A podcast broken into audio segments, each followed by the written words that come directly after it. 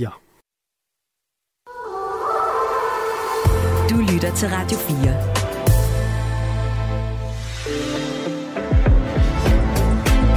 Velkommen til Mandat. Din vært er Katrine Eidel.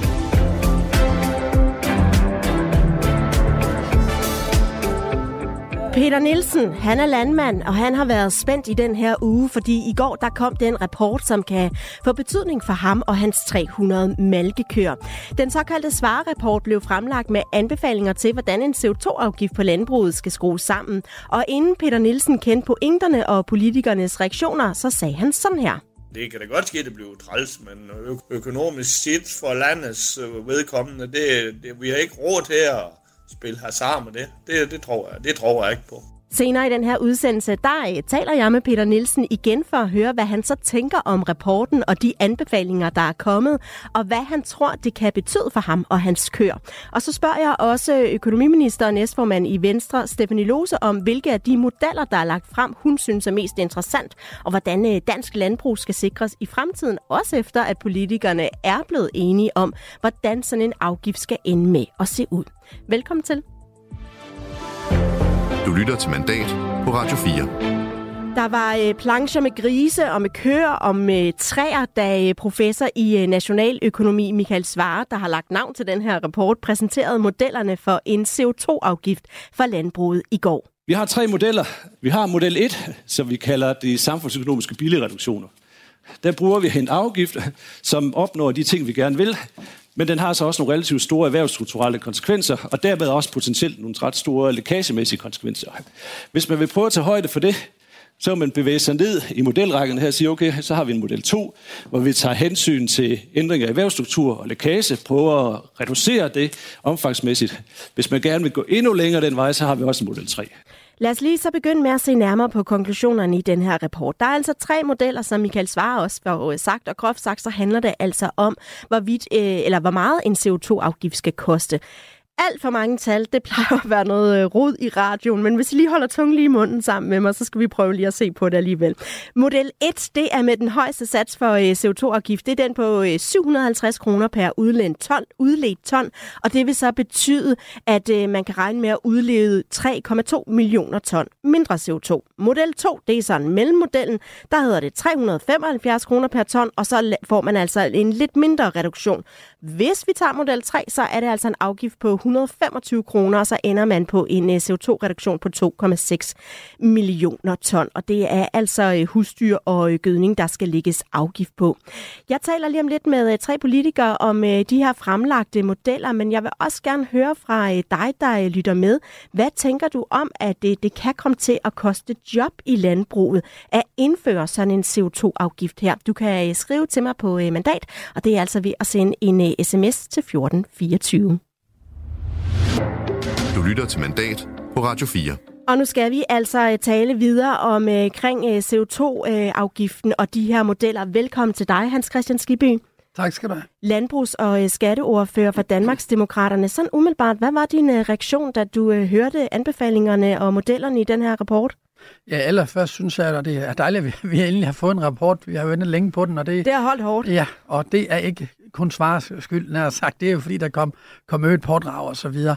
Øh, så så det, det er sådan set godt nok. Øh, men nu er, nu er den trods alt kommet ud af skabet, og øh, så skal vi tage stilling til den. Og der må jeg sige, at jeg er jo forfærdet over det, som er indholdet af den, og de store konsekvenser, som det vil få. Altså op til 8.000 arbejdspladser, primært i vores landdistrikter, øge regningen for over 6 milliarder kroner til landmænd, og så kan de forvente, at deres værdier de falder med 8,8 procent. Det er meget, meget drastisk. Så forfærdet er det, der sådan står tilbage for dig? Ja, det er det. Og jeg er jo ked af, at der er flertal uh, til sydlandet for, for, sådan, for sådan nogle forslag som dem her. Jeg mener faktisk, at det er alt for stor en pris at betale for så relativt lille en reduktion, er nødt til at sige. Forfærdet og øh, ked af det. Var det også sådan, du havde det, Signe Munk, øh, politisk ordfører og klimaordfører for SF, da øh, du øh, så den her præsentation af, øh, af CO2-afgift på landbruget? Jeg bliver forfærdet og ked af det, når jeg ser de klimaforandringer, der allerede raser over os. Når vi ser nogle fjorde, som øh, fuldstændig er ved at dø, fordi der er for meget gylde og gødning for landbruget, der øh, ender derude naturlister, der årligt viser, at øh, hjemmehørende, helt almindelige arter, dengang Hans Christian Skibby var barn, øh, de er i markant tilbagegang. Og jeg siger det, fordi hvis ikke vi går ind og gør en landbrug ansvarlig i den grønne omstilling, beder dem om at tage deres del af opgaven, jamen, så kommer vi ikke til at løse de problemer. Så da jeg så rapporten om CO2-afgift for landbrug, som jo er et af de vigtige redskaber her, jamen, så blev jeg sådan set øh, øh, glad, fordi vi har brug for, at diskussionen bliver konkret. Altså, jeg synes jo, at vi har varmet op til den her diskussion om, øh, hvordan vi skulle ligestille landbruget med resten af samfundet i forhold til afgifter i vildt lang tid.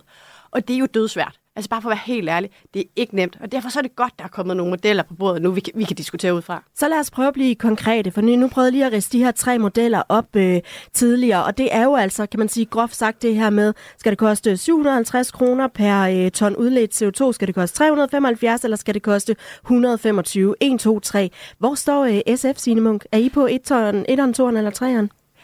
Jeg vil starte med at sige, at vi har ikke sådan giftet os øh, med nogen model, fordi at det er jo ikke sådan, at SF mener det samme som en økonomiprofessor eller et udvalg.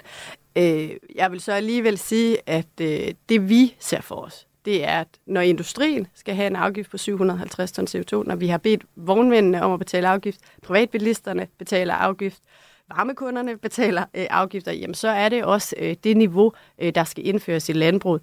Men så er der jo en masse politik, der skal bygges uden om sådan en afgift. Altså, der skal investeres i øh, omstillingen ud i landbruget, og der skal hjælpes, og der skal gøres øh, en masse andre ting også. Jeg hører alligevel, du siger, at I hælder mod model 1, men selvfølgelig ikke 100% som den ligger der, men i den retning. Vi hælder mod afgiftsniveauet i model 1, ja.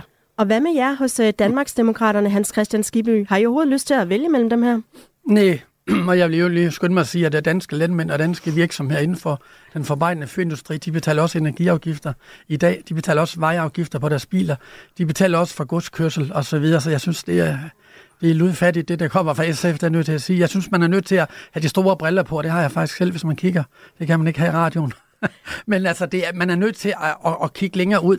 Altså, det her det er noget, der kan, kan have betydning i Danmark meget store konsekvenser for 180.000 medarbejdere inden for vores fødevareklynge. Men vi skal bare ikke glemme, at nu snakker vi om det med perspektiverne i det. Øh, vi kommer ikke i mål. Altså der, hvor vi kan se de nyeste tal, der kommer omkring CO2-udledning, den er eksplosiv i mange andre lande. Altså den kinesiske kulproduktion er steget 30 procent. Det vi gør i Danmark, det er en kinesermand i det her store spil. Men, men I har jo tilsluttet jer en klimalov med et mål om en 2030-målsætning øh, om at nedsætte CO2-reduktion herhjemme med 70 procent i forhold til 1990. Og der er altså anbefalingerne nu fra svarudvalget. Hvis man skal det, så skal man kigge på model 1, 2 eller 3. Hvorfor vil I så ikke vælge mellem dem? Fordi at vi mener, at, at man skal kigge på den samlede palette, og hvis man kigger på de udspil, der også er kommet fra Landbrug og Fødevare for længe siden i øvrigt, så kan man jo se, at, at branchen for det første gerne selv vil det her, men de vil også gerne have lov til at have have tid og rum til det, og ikke mindst økonomi. Det man gør nu, det er, at man sådan set kutter deres økonomi midt over, og så siger man, værsgo, her er en masse regninger. Det kan en landmand jo ikke leve af. Vi så en i går, det er jo sine Munk og mig også, der var i, i deadline, ikke? en mand, der står med en, med en regning på måske 4,5 millioner kroner på en mælkekavisbesætning. Det, er, det, det var over halvdelen af det, han, han, han havde på hans regnskab. Øh, det var sådan en stor landmand, kan man sige. Men, men, men det gør jo bare, at det bliver utrolig vanskeligt at se, hvordan man skal kan se sig ud af det, og du kan da ikke gå ned i banken. Betyder det, at der ikke skal være en CO2-afgift, hvis det står til jer? Der skal være, ikke en decideret CO2-afgift, det skal det ikke være, men der skal være en kontinuerlig omlægning af hele vores landbrugssektor. Vi skal tilskynde til øh, øh bæredygtige klimastalle, Man skal, vi skal tilskynde til, at vi har brugt øh, flere ressourcer på at udvinde nye teknologier. Vi skal lave øh, grøn øh, bioenergi, øh, øh, grøn gødning, vi skal lave mere biomasse. Der er så mange ting, vi er godt i gang med, og derfor bliver jeg faktisk træt af, at man begynder at blande ind i den her debat, at, at nu skal man så til at, at, at lægge den her kæmpe store tunge dyne ned over hele den her store branche. Med er også økonomiminister og næstformand for øh, Venstre, øh, Stefanie Lose. Rigtig mange har gerne vil vide, hvor Venstre jo står i forhold til en øh, CO2-afgift. Men der har jo altså ventet på rapporten ligesom mange andre, og nu er den her. Så hvilken model støtter Venstre, Stefanie Lose? Jamen, vi kommer ikke til at lægge os fast på en model nu. regeringen har nedsat en grøn trepart, hvor jeg jo også repræsenterer regeringen, og dermed også Venstre øh, i treparten, og øh, vi kommer til at arbejde med det gennemarbejdede, øh, den gennemarbejdede rapport, der er kommet fra ekspertudvalget, og tage det med videre herfra for at finde den bedst mulige løsning. Men øh, rigtig mange har jo altså gerne vil vide, hvor I har stået. I har ikke vil tale om konkreterne, fordi I ventede på rapporten. Hvor længe skal vi så vente? Jamen, vi går efter at finde en løsning, øh, som kan levere på flere parametre. Der er ingen tvivl om, at den skal kunne levere på den grønne omstilling. Vi har et klima øh, og et miljø, som vi skylder at komme i mål. Det er et særskilt hensyn. Så har vi et ønske om at sikre en model, der kan udvikle vores landbrug. Den allerbedste øh, model, vi kan finde for, øh, for det danske klima, og for dermed også for det globale klima, det er jo, at vi viser en vej, hvor vi udvikler landbruget, fordi vi får brug for at have landbrug både i Danmark og ude i resten af verden. Og kan vi vise en klimavenlig vej, så er det det allerbedste, vi kan gøre. Og så er der et hensyn til øh, at der er beskæftigelse og arbejdspladser i hele landet. Så, så det er de øh, hensyn, vi tager med os videre. Men nu har vi øh, hørt også her i studiet, at øh, Hans Christian Skibby fra Danmarksdemokraterne øh, ikke rigtig vil, vil sige en øh, model, og altså også øh, snakker om i forhold til øh, CO2-afgifter. Signe Munk siger, at øh, SF de vil heller ikke sådan lige 100% pege på en model, men kan godt sige, at et afgiftsniveau skal ligge omkring der, hvor industrien er, altså 750 øh, kroner øh, per udlænt øh, ton. Vil Venstre sige, hvor man sådan nogenlunde placere sig i forhold til et afgiftsniveau?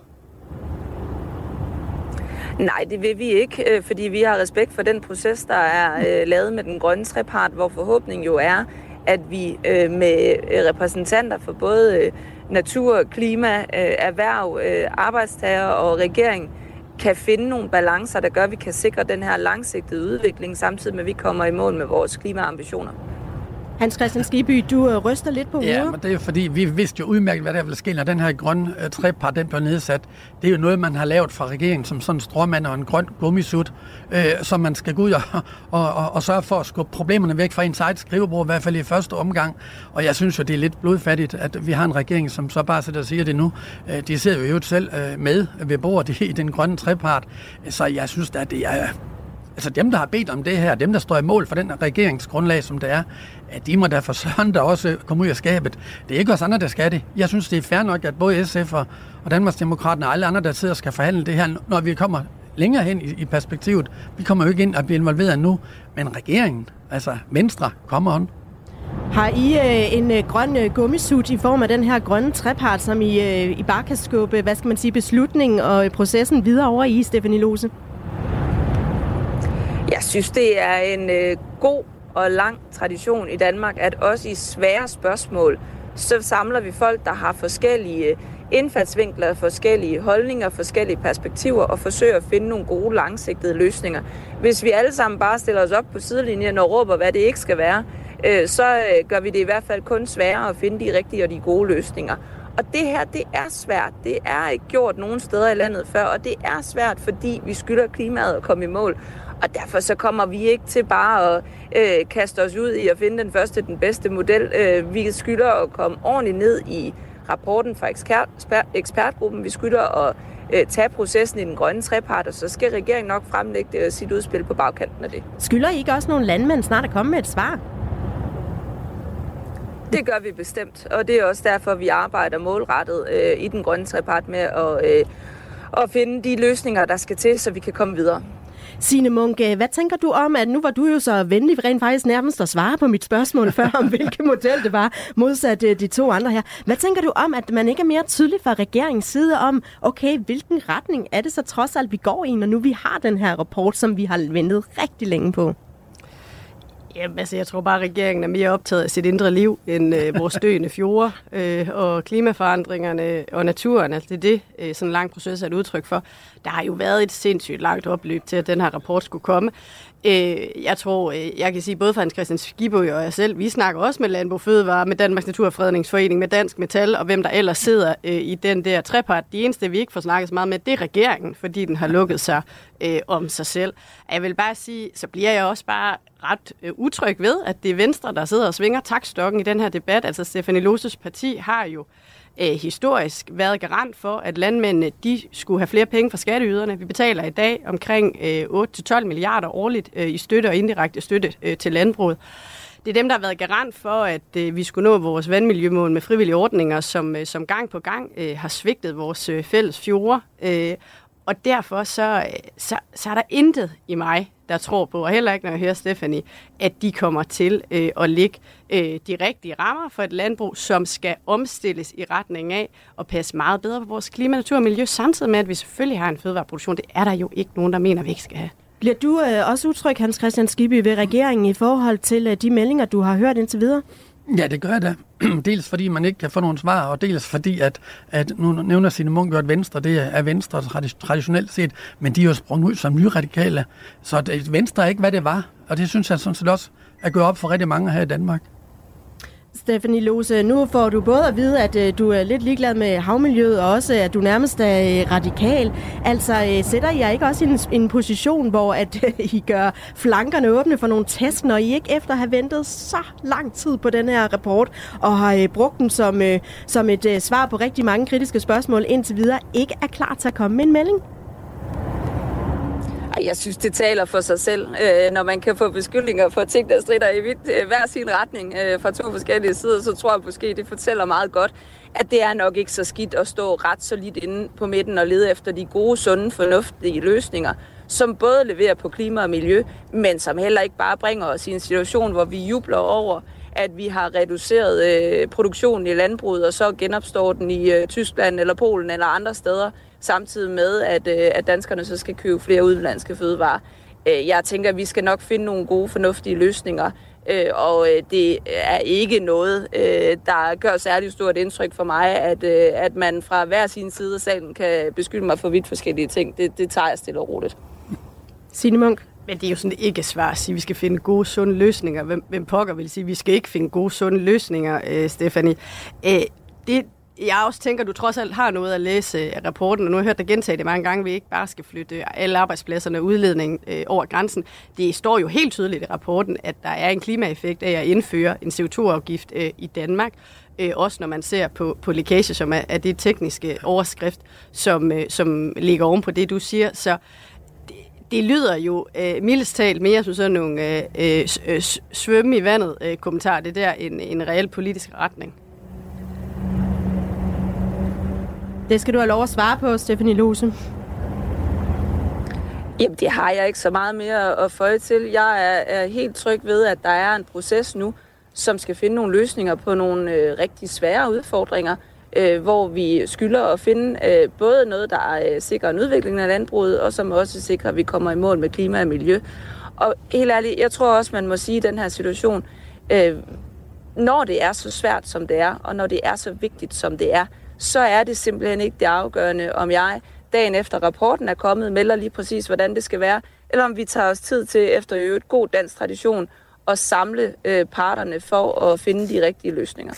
Efter den her rapport er kommet, så har der jo altså også været snak om, hvorvidt at øh, nogle af de her modeller overhovedet kan indføres, hvis man også kigger på regeringsgrundlaget. Fordi der står der, at øh, afgiften skal udformes på en måde, hvor erhvervet understøttes, således at erhvervets konkurrenceevne ikke forringes, og som du var inde på før, Signe Munk, således at der ikke flyttes arbejdspladser ud af landet samlet set. Med det i mente, Stefanie Lose, hvor langt tror du så, I kommer til at lande væk fra de her tre modeller, inden der ligger noget konkret?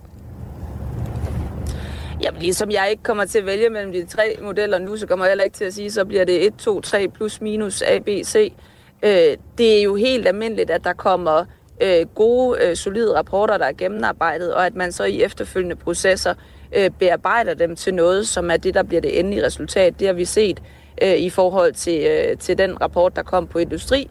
Øh, men vi har jo også set det i beslutningen om, hvordan skulle man gøre, øh, da det handlede om, om transporten, at der har været øh, nogle processer, der har ændret det, der var udgangspunktet. Og derfor så tror jeg, at man må sige, at nu er der et godt udgangspunkt at arbejde videre med, og så finder vi de, øh, de endelige resultater øh, med afsæt i det.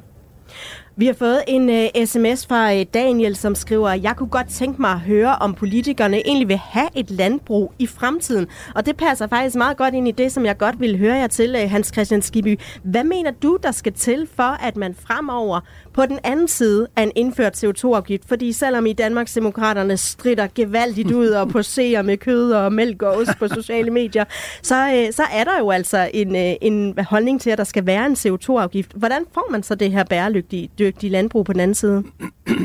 ja, det gør man da for det første ved ikke at give dem flere byrder, end dem de har i forvejen. Ikke flere afgifter, ikke mere regulering.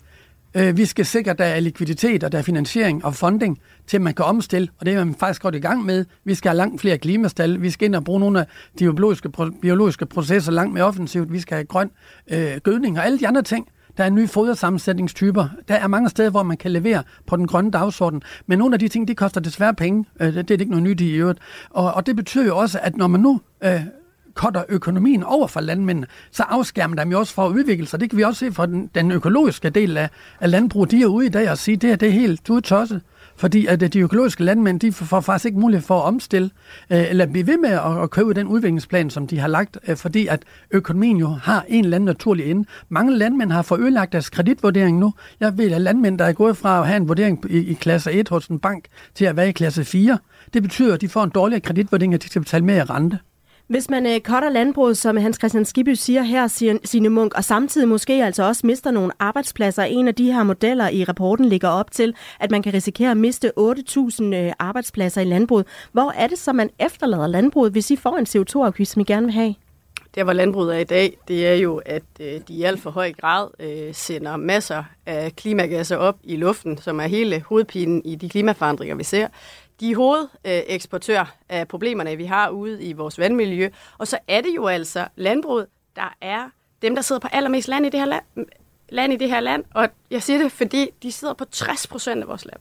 Så at forestille sig, at vi sådan set skal fortsætte med ikke at gøre dem ansvarlige i den fælles opgave, vi har med at få vores klima i balance for de næste generationer, for vores fjord øh, i balance for vores egen generation, jamen det er jo simpelthen at tro, at håb eller blålys er en strategi. Og det er bare, jeg tror, jeg bliver bare nødt til lige at påtage mig lidt det alvorlige her.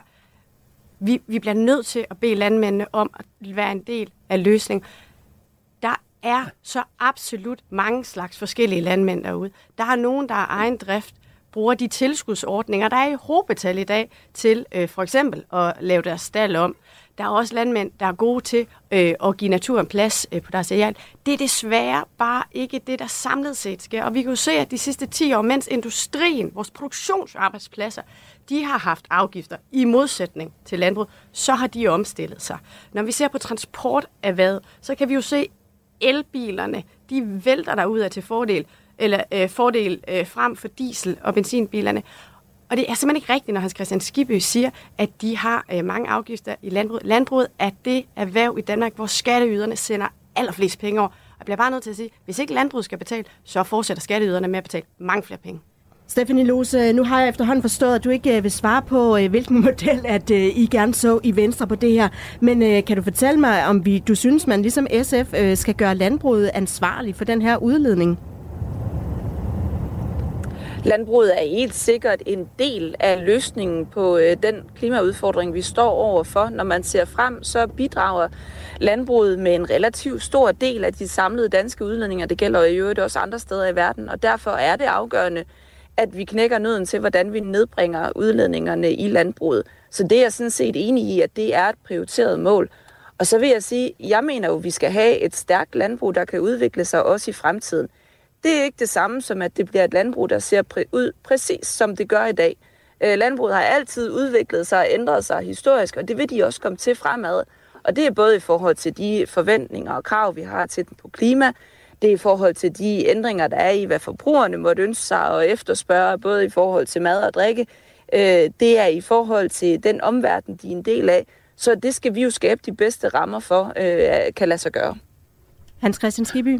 Ja, og indtil videre lærer man nogle, de bedste rammer, dem gør man ved, at man jo kan se, at konkurstruslen den stiger gevaldigt for mange af vores landmænd. Det var også en del af, af rapportens konklusioner i går, at der kommer en, en, en øget grad af konkurstrussel mod danske landmænd. Og så vil jeg sige, Signe Munk, altså ved du hvad, øh, danske landmænd, de har godt nok været med til at levere i forhold til øh, den grønne omstilling i Danmark, og de har investeret offensivt på hver eneste bedrift i, i kongeriget Danmark. Så jeg synes, jeg synes ikke, det er rimeligt, at man kommer med den kritik i forhold til det. Og, og man gør jo ikke deres udviklingspotentiale bedre ved at, at tage økonomien fra dem.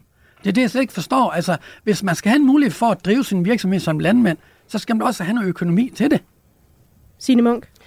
Når vi ser på, øh, på, på sådan de tørtal, så har landbruget ikke bragt deres CO2-udledning ned de sidste 15 år. Det er fordi, der er Og det er, jo det, det er jo det, der er den sørgelige øh, nyhed, Hans Christian Schmidt. Og, og jeg bliver bare nødt til at sige, I, hvis du, når, du ikke, når du ikke vil bede landbruget om at tage deres del af betalingen for at forurene, så beder du jo alle andre om at gøre det. Og hvem er det så? Er det vognmændene, der skal betale mere i afgift? Er det den lille øh, selvstændige er det industrivirksomhederne? Er det, er det bilerne ude i garagen, der skal blive dyre? Ja, altså bare for at sige, der er ja. ingen gratis omgang. Det er der nu, aldrig. Øh, nu synes ja, jeg nok, ja. at det bliver lidt for rødt det her. Ved du hvad?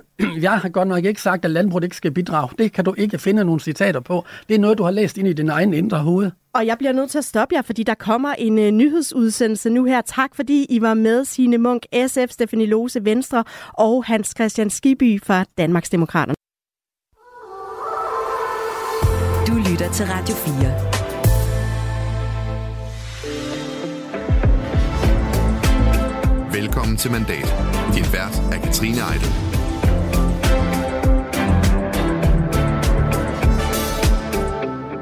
CO2-afgift på landbruget, og så øh, altså den her svarerapport, som øh, kom i går, det er noget af det, der fylder den, øh, det politiske dagsorden de her dage. Jeg har altså også spurgt jer på sms'en, hvad I øh, tænker omkring den her CO2-afgift, og øh, jeg har fået en øh, besked fra øh, GL, som skriver, at det er unfair konkurrence for de danske landmænd.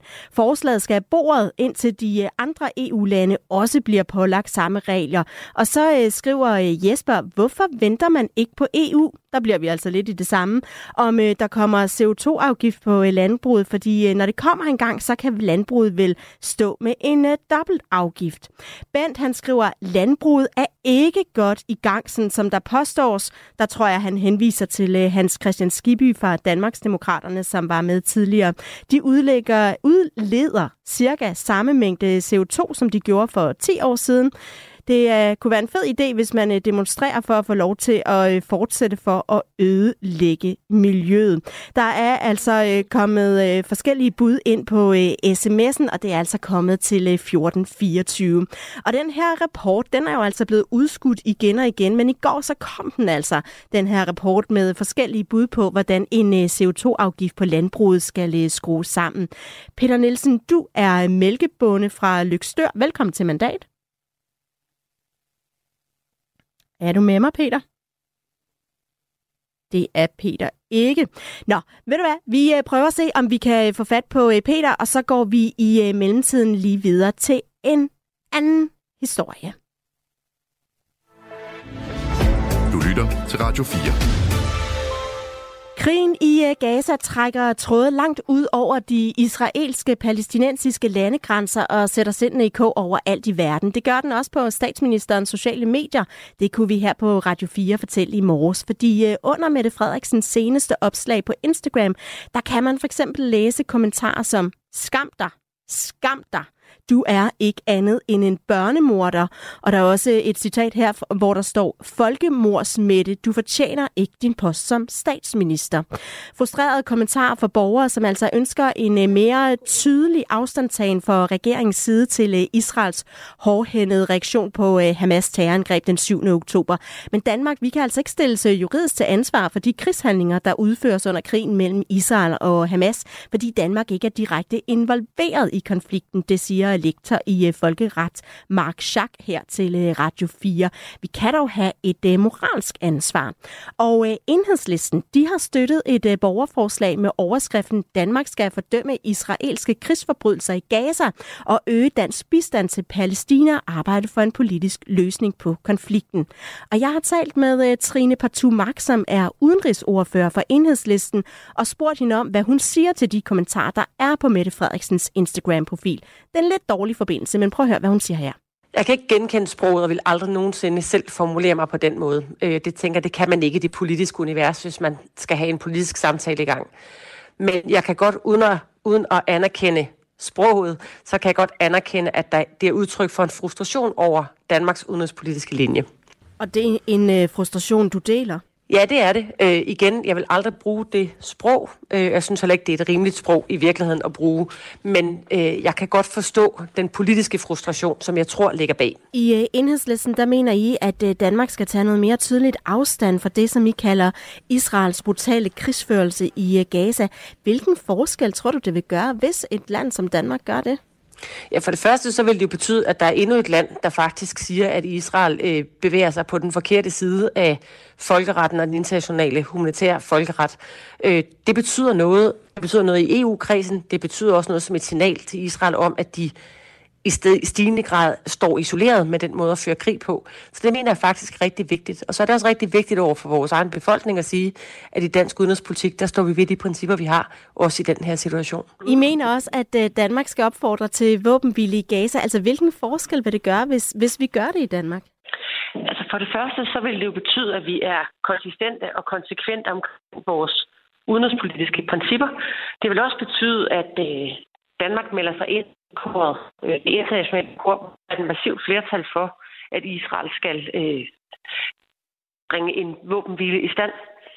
Øh, og det betyder noget, fordi vi bliver en del af den gruppe også i EU, som faktisk presser på for, at krigen skal stoppe. Du har også øh, tidligere sagt fra Folketingets uh, talerstol, at uh, enhedslisten er sådan set ikke i tvivl om, at noget af det, der sker, vil blive karakteriseret som krigsforbrydelser.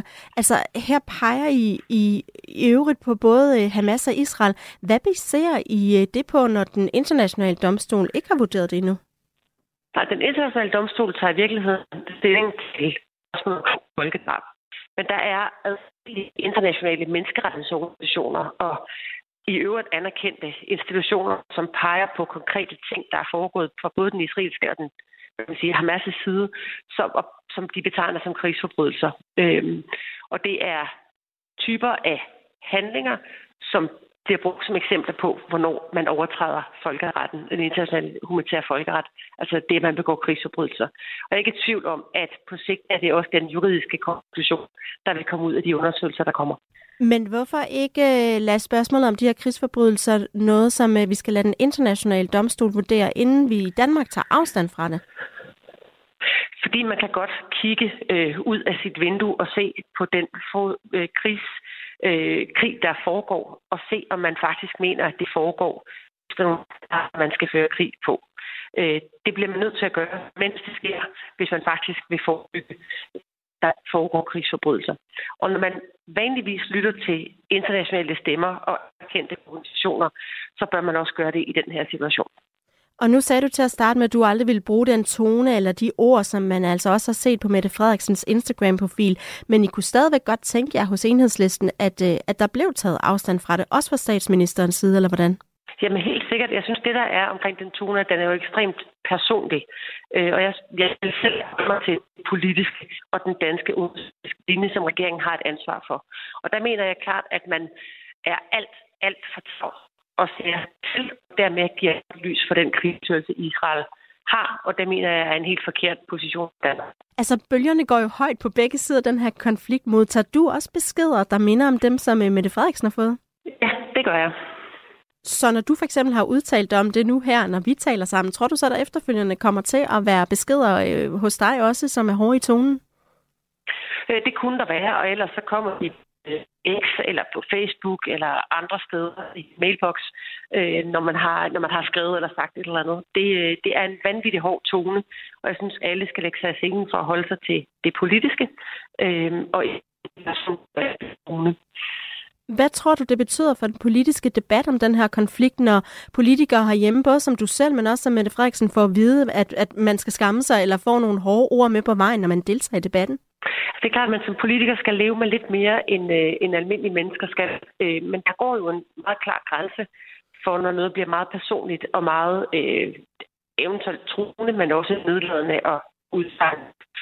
Ja, det, og det gør formentlig, at mange øh, mennesker afholder sig fra at gå ind i debatten, fordi man kan se, hvilken, hvilken storm man risikerer til at stå i. Øhm, vi har talt med nogle eksperter, der mener, at øh, kommentarerne er et udtryk for altså blandt andet den her frustration øh, blandt befolkningen, som ikke mener, at øh, Mette Frederiksen og regeringen har gjort nok øh, arbejde for en våbenhvile. Det er jo lidt det, du også selv siger.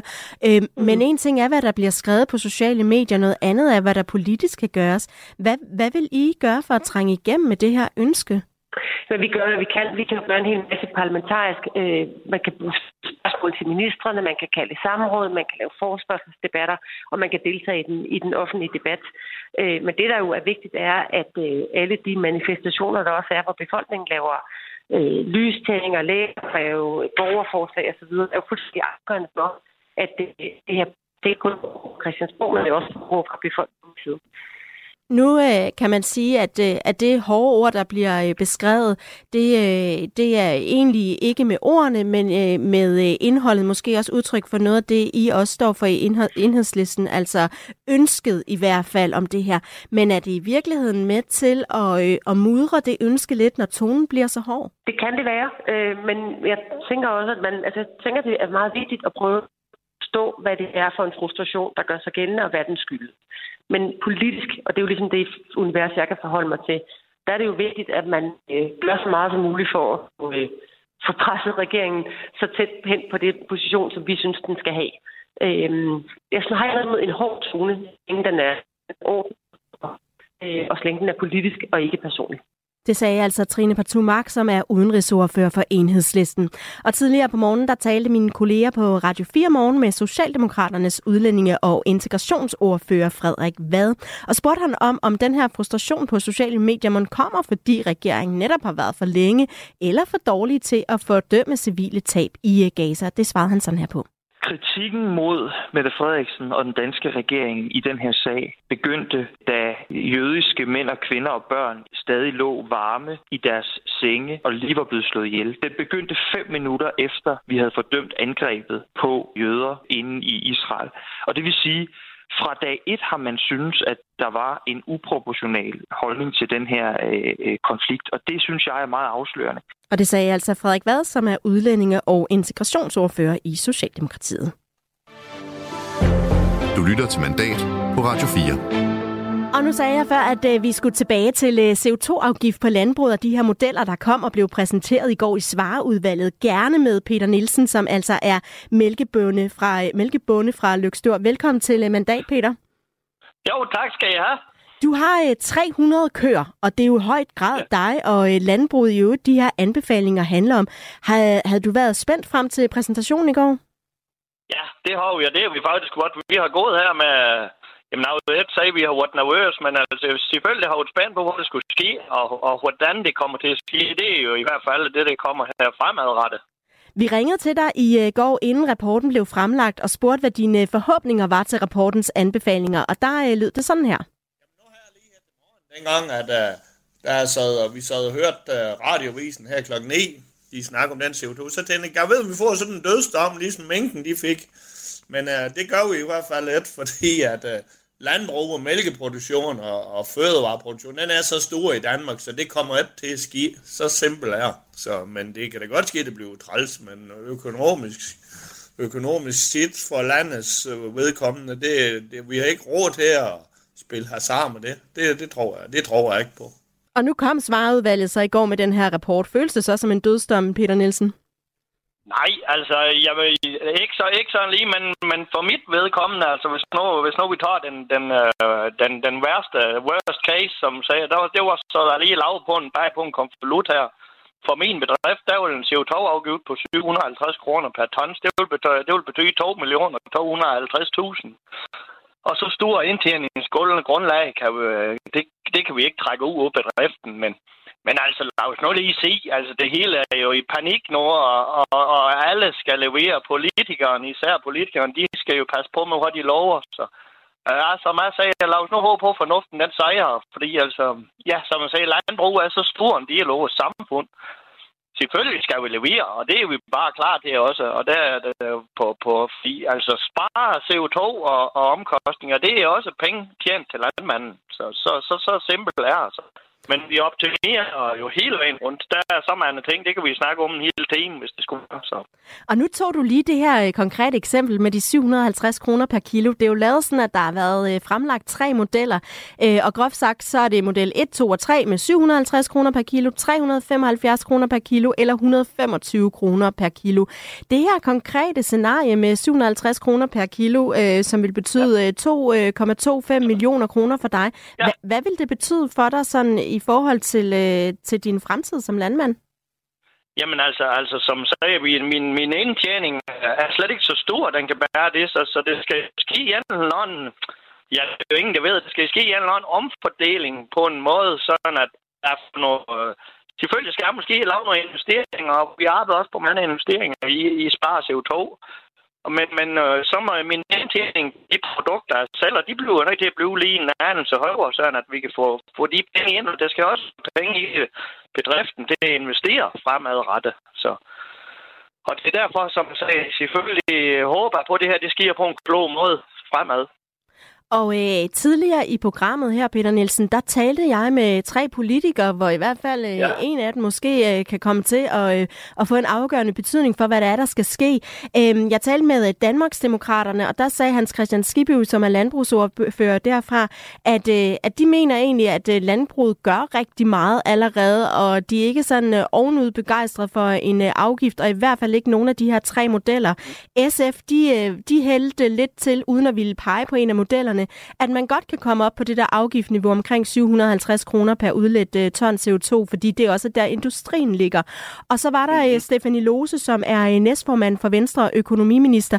Hun vil ikke lægge sig fast på en, en, en model, men, men henviser ligesom til, at nu skal det i den her grønne trepart og diskuteres videre. Ja. Hvad tænker du om, om de meldinger fra politikerne? Jamen, altså, jamen, det er jo typisk politiske meldinger.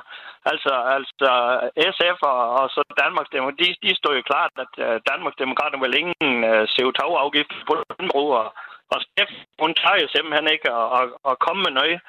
Men altså, vi er heller ikke nået dertil. Nu skulle vi have fundet ud altså, vi, som, som landmænd, er vi jo rigtig godt i gang i, i, i, for, i uh, samarbejde med vores mejeri for at få lavet klimatjek på os, for at finde ud af, hvor vi lever henne, og, og er vi ikke hos hjælp af jer, fordi vi vidste jo godt, at vi skal levere på det her. Og det er, som jeg sagde, det skal vi på at gøre på en klog måde, men, men altså for at vende tilbage til de politikere, de, de har jo låst dem selv, øh, de har jo låst dem selv lidt fast på, og, og, og der kommer jo valg igen, og, og det er sådan noget i det her landbrug, og CO2, det er sådan lidt noget, det kan være nogle billige point øh, for dem, der som ikke står i spedalsen og, og, og skruer der, men, men vores der er ude på landet der, og, og både i yder, yder om land og by, det var jo, havde nær så tilfældige interesser, men alligevel har vi interesse i, at vi skal ikke uh, mere CO2 end, end godt er. Føler du, at du som, øh, føler du, Peter Nielsen, at øh, I som erhverv er blevet hjulpet nok løbende i forhold til at lave en omstilling af landbruget og gøre det mere bæredygtigt, så man ikke øh, lige pludselig skulle have en, øh, en stor regning nu her?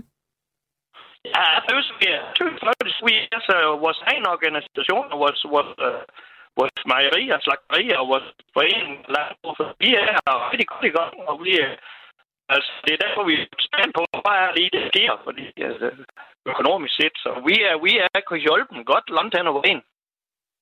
Men den, den ting, som, som nu her, altså det hele selvfølgelig, øh, det, der, det der, der er min bekymring, det er, altså en ko, hun, hun spiser selvfølgelig noget græs, og hun, hun bøver til CO2, og, og det ryger op i luften igen. Men så er så der, hvor min kæde som, som landmand er kun gået i skole i 10 år. Den hopper over. Vi, vi så jo noget ude på marken, som absorberer CO2 igen. Og så har vi det, vi kalder cirkulær CO2, som kører rundt og rundt det, det er jo, så er kogen jo lige pludselig klimaneutral, når vi tager, hun leverer mælk, og så slagter hende bagefter og spiser hende. Men, men det er jo der, vi har en udfordring som landmænd, fordi at, at det jo planter på marken, det suger jo op igen. Men har I taget, Peter Nielsen, har I taget nok ansvar selv for den her grønne omstilling som landmand? Ja, det, det tøser helt, helt ærligt. Det, det sætter jeg slet ingen tvivl ved, fordi vi, vi er i fuld sving med at fodre, og, og, og vi laver foderplaner, og vi har nogle, øh, vi har noget, vi har Foglum, vi har Seges, som, som er ved at, at finde ud af og kan putte et eller andet additiv i, i foder, så, så kogen ikke bøvser så meget. Der er simpelthen så mange forskere på universiteterne, der kæmper en kamp. Vi er, vi er godt på det, men selvfølgelig, landbrugsproduktionen stiger, og så stiger udledningen selvfølgelig også i takt med, og det er derfor, det ser ud som det hele det står stille. Der har været i øh, flere steder i Europa, har der jo altså været øh, forskellige demonstrationer med øh, landmænd, der har været ja. utilfredse med den måde, som øh, at øh, politikerne har besluttet øh, på deres område. Og der har jo altså ja. også været steder, blandt andet i øh, Holland og Frankrig og øh, i Bruxelles i, øh, i Belgien, hvor man har set øh, sure landmænd øh, tage afsted og demonstrere. Har du sådan fået øh, tjekket øh, dæktrykket på din traktor og øh, fået den pusset og gjort klar til at skulle køre mod øh, Øh, Christiansborg, hvis det skulle blive nødvendigt for dig? Nej, altså, hvor er vi hjemme, jeg kører nok ikke lige der, men, men jeg ved, at vi har noget, der hedder Agerskov-gruppen, der de, de, de sidder sgu da på stikkeren, og de, ja, som du sagde, de har nok et uge tjek, tjek, tjek trykke, men, men om, altså, vi er jo ikke traditionen for at lave sådan en demonstration her i Danmark. Jeg håber på, at fornuften den sejrer med, men som er så til Jan, Jan Dag, det kunne da godt ske, at vi skulle køre en tur til København og vise øh, vores trauter, og også for samfundets skyld, for alle de der børn, der øh, bor der, jo, de, de skal da have lov at se en trauter inde i byen. Og lige her til sidst, øh, Peter Nielsen, ja. bare kort, fordi nu forholdt jeg jo også politikerne de her tre modeller, altså model 1, 2 eller 3. Hvis du skulle øh, pege ja. på en af dem øh, og, og skulle vælge en, hvad bliver det så? Jamen selvfølgelig, selvfølgelig skal vi, øh, skal vi vil I da vælge den, den, den mindste model, hvor vi skal betale mindst, men, men vi skal også, vi skal nok levere. vi er interesseret i, og landmænd, vi er noget mærkeligt nogen, fordi vi, vi skifter jo, vi, prøver jo på at levere på, på at, at, at gøre os så klimaneutralt, som vi kan. Og der, der er vi jo i, i fuld sving, så. Tak. Vi skal have penge til, kan investere, og vores, og vores kæmpe, som også sagde Olle, vores, vores kæmpe kreditforening, det er lærer ny kredit, der er tro, der, de skal også tro på, at, at vi er ude med have landbrug, fordi der er en regning, der skal betales, som man siger. Tak fordi du var øh, med, øh, Peter Nielsen, altså øh, mælkebønne og fra Luxdør. Du lytter til Mandat på Radio 4. Efter den øh, seneste godt halvanden måneds øh, ballade og uro i Nyborgerlige, der har øh, det altså partiet været efterladt uden tydelige sådan fremtidsplaner for, hvad der skal ske, og egentlig også uden formand. Men nu er Martin Henriksen, der egentlig skulle have været partiets Europaparlamentskandidat, klar til at melde sig som formand. Velkommen til mandat, Martin Henriksen. Tak fordi jeg måtte være med. Hvis øh, Nyborgerlige var en varm skål grød, så var du i den grad en kat, som har gået rigtig, rigtig, rigtig mange gange rundt om dem. Hvad er det, du har afgjort, at, øh, eller der er øh, afgjort, som har gjort, at du nu er klar til at sige, at jeg vil godt være formand?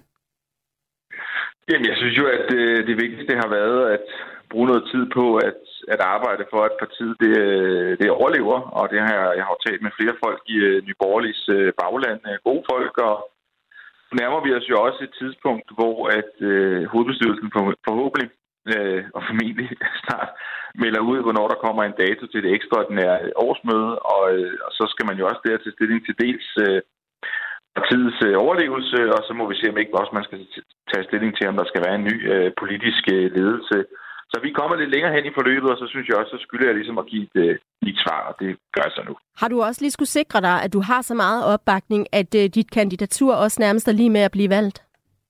Øh, nej, det kan, jeg ikke, det kan man jo ikke, det kan man ikke gisne om. Jeg tager ikke noget for givet overhovedet. Det her, det er, altså, det er, det er jo en chance at tage. Sådan er det.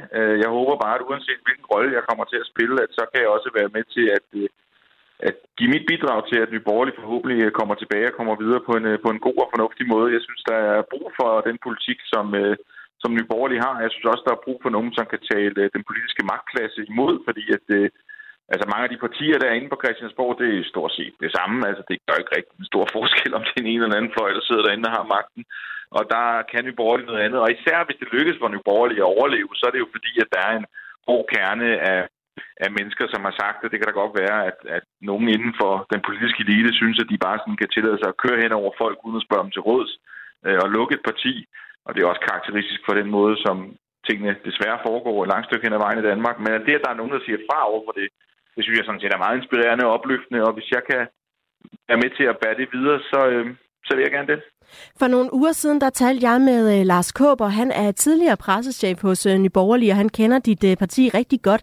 Og han sagde sådan her om, uh, om dit mulige kandidatur. Hvis Martin Henriksen skal være formand, så øh, bliver det sådan et parti lidt ligesom Fremskridspartiet i sine døende dage, eller Centrumdemokraterne, da de døde ud, at det er et parti uden for Folketinget, øh, som øh, ikke rigtig nogen hæfter sig ved, at fordi at der simpelthen ikke er plads i dansk politik til det, og Martin Henriksen ikke er en stærk nok person til at løfte partiet op.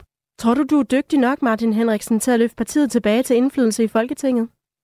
Altså, jeg er lidt vant til, at folk sådan øh, taler lidt øh, ned øh, til mig. Øh, det er ikke første gang. Det, det sker en gang med. Jeg er jo sådan lidt, når man kigger sådan, hvad sådan er den typiske toppolitiker i Danmark, den typiske partileder i Danmark, så falder jeg jo lidt uden for det. Altså, jeg har jo en anden anden baggrund, og lige nu er jeg, har jeg jo bare et almindeligt arbejde. Jeg er sikkerhedsvagt. Altså, jeg er i mange menneskers indseende er jeg jo ikke sådan, det er sådan systemets måde at betragte folk, der sådan øh, kommer lidt udefra, at, at, at de sådan ikke er gode nok eller fine nok. Og det er en måde, som man sådan ser på mange mennesker inden for Christiansborgs side af, og mange politiske, politiske analytikere ser sådan på mennesker. Øh, og det synes jeg er, er træls. Det er jo ikke kun mig, man ser sådan på. Det gør man også i forhold til. Det er også den den måde, man forsøgte at lukke, lukke Nye Borgerlige på, var jo også en måde, hvor man, man beregnede ikke rigtig mennesker for at være noget. Man kunne bare køre hen over dem. Og, øh, men selvfølgelig bliver det da svært. Øh, jeg, jeg påstår ikke, at jeg er perfekt. Jeg påstår ikke, at jeg kan komme som ene mand og redde øh, det hele. Jeg vil også godt tænke politik på en ny måde, på en systemkritisk måde, men også på en måde, hvor at, at det, skal være sådan, det skal være naturligt, at, at, det, at politiske idéer, det er ikke kun noget, der kan opstå fra en top, og så plante sig ned igennem en organisation. Det skal også som helt naturligt kunne opstå nedefra, og så vokse op igennem. Og hvis Nye Borgerlige kan bidrage og gøre tingene anderledes på, de, på den måde, som jeg skitserer her, så vil det også være et parti, som vil være et, en anderledes parti end de andre, og så kan vi byde ind med noget. Men det er selvfølgelig en, øh, en holdindsats. Det er ikke kun mig, det er en holdindsats. Og så lige kort her til sidst, Martin Henriksen. Øh, hvornår bliver det afgjort?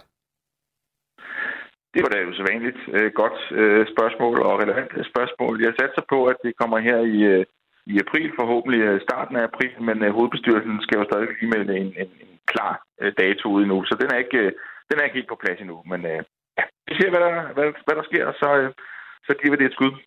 Tak fordi du var med, Martin Henriksen, altså nu formandskandidat for Nyborgerlige. Du lytter til Radio 4. Det var øh, dagens mandat. Tak til øh, alle de medvirkende. Peter Nielsen, Stefanie Lose, Signe Munk, Hans Christian Skiby, Trine Patumak og Martin Henriksen. Jeg havde øh, lånt øh, klip fra TV2 til programmet, og øh, vi er altså altid klar med den politiske time her på Radio 4 mellem klokken 9 og klokken 10. Og så kan du selvfølgelig også finde den her udgave af mandater tidligere programmer som podcast. Jeg hedder Katrine Ejdum. Du har lyttet til en podcast fra Radio 4. Find flere episoder i vores app, eller der, hvor du lytter til podcast. Radio 4. Ikke så forudsigeligt.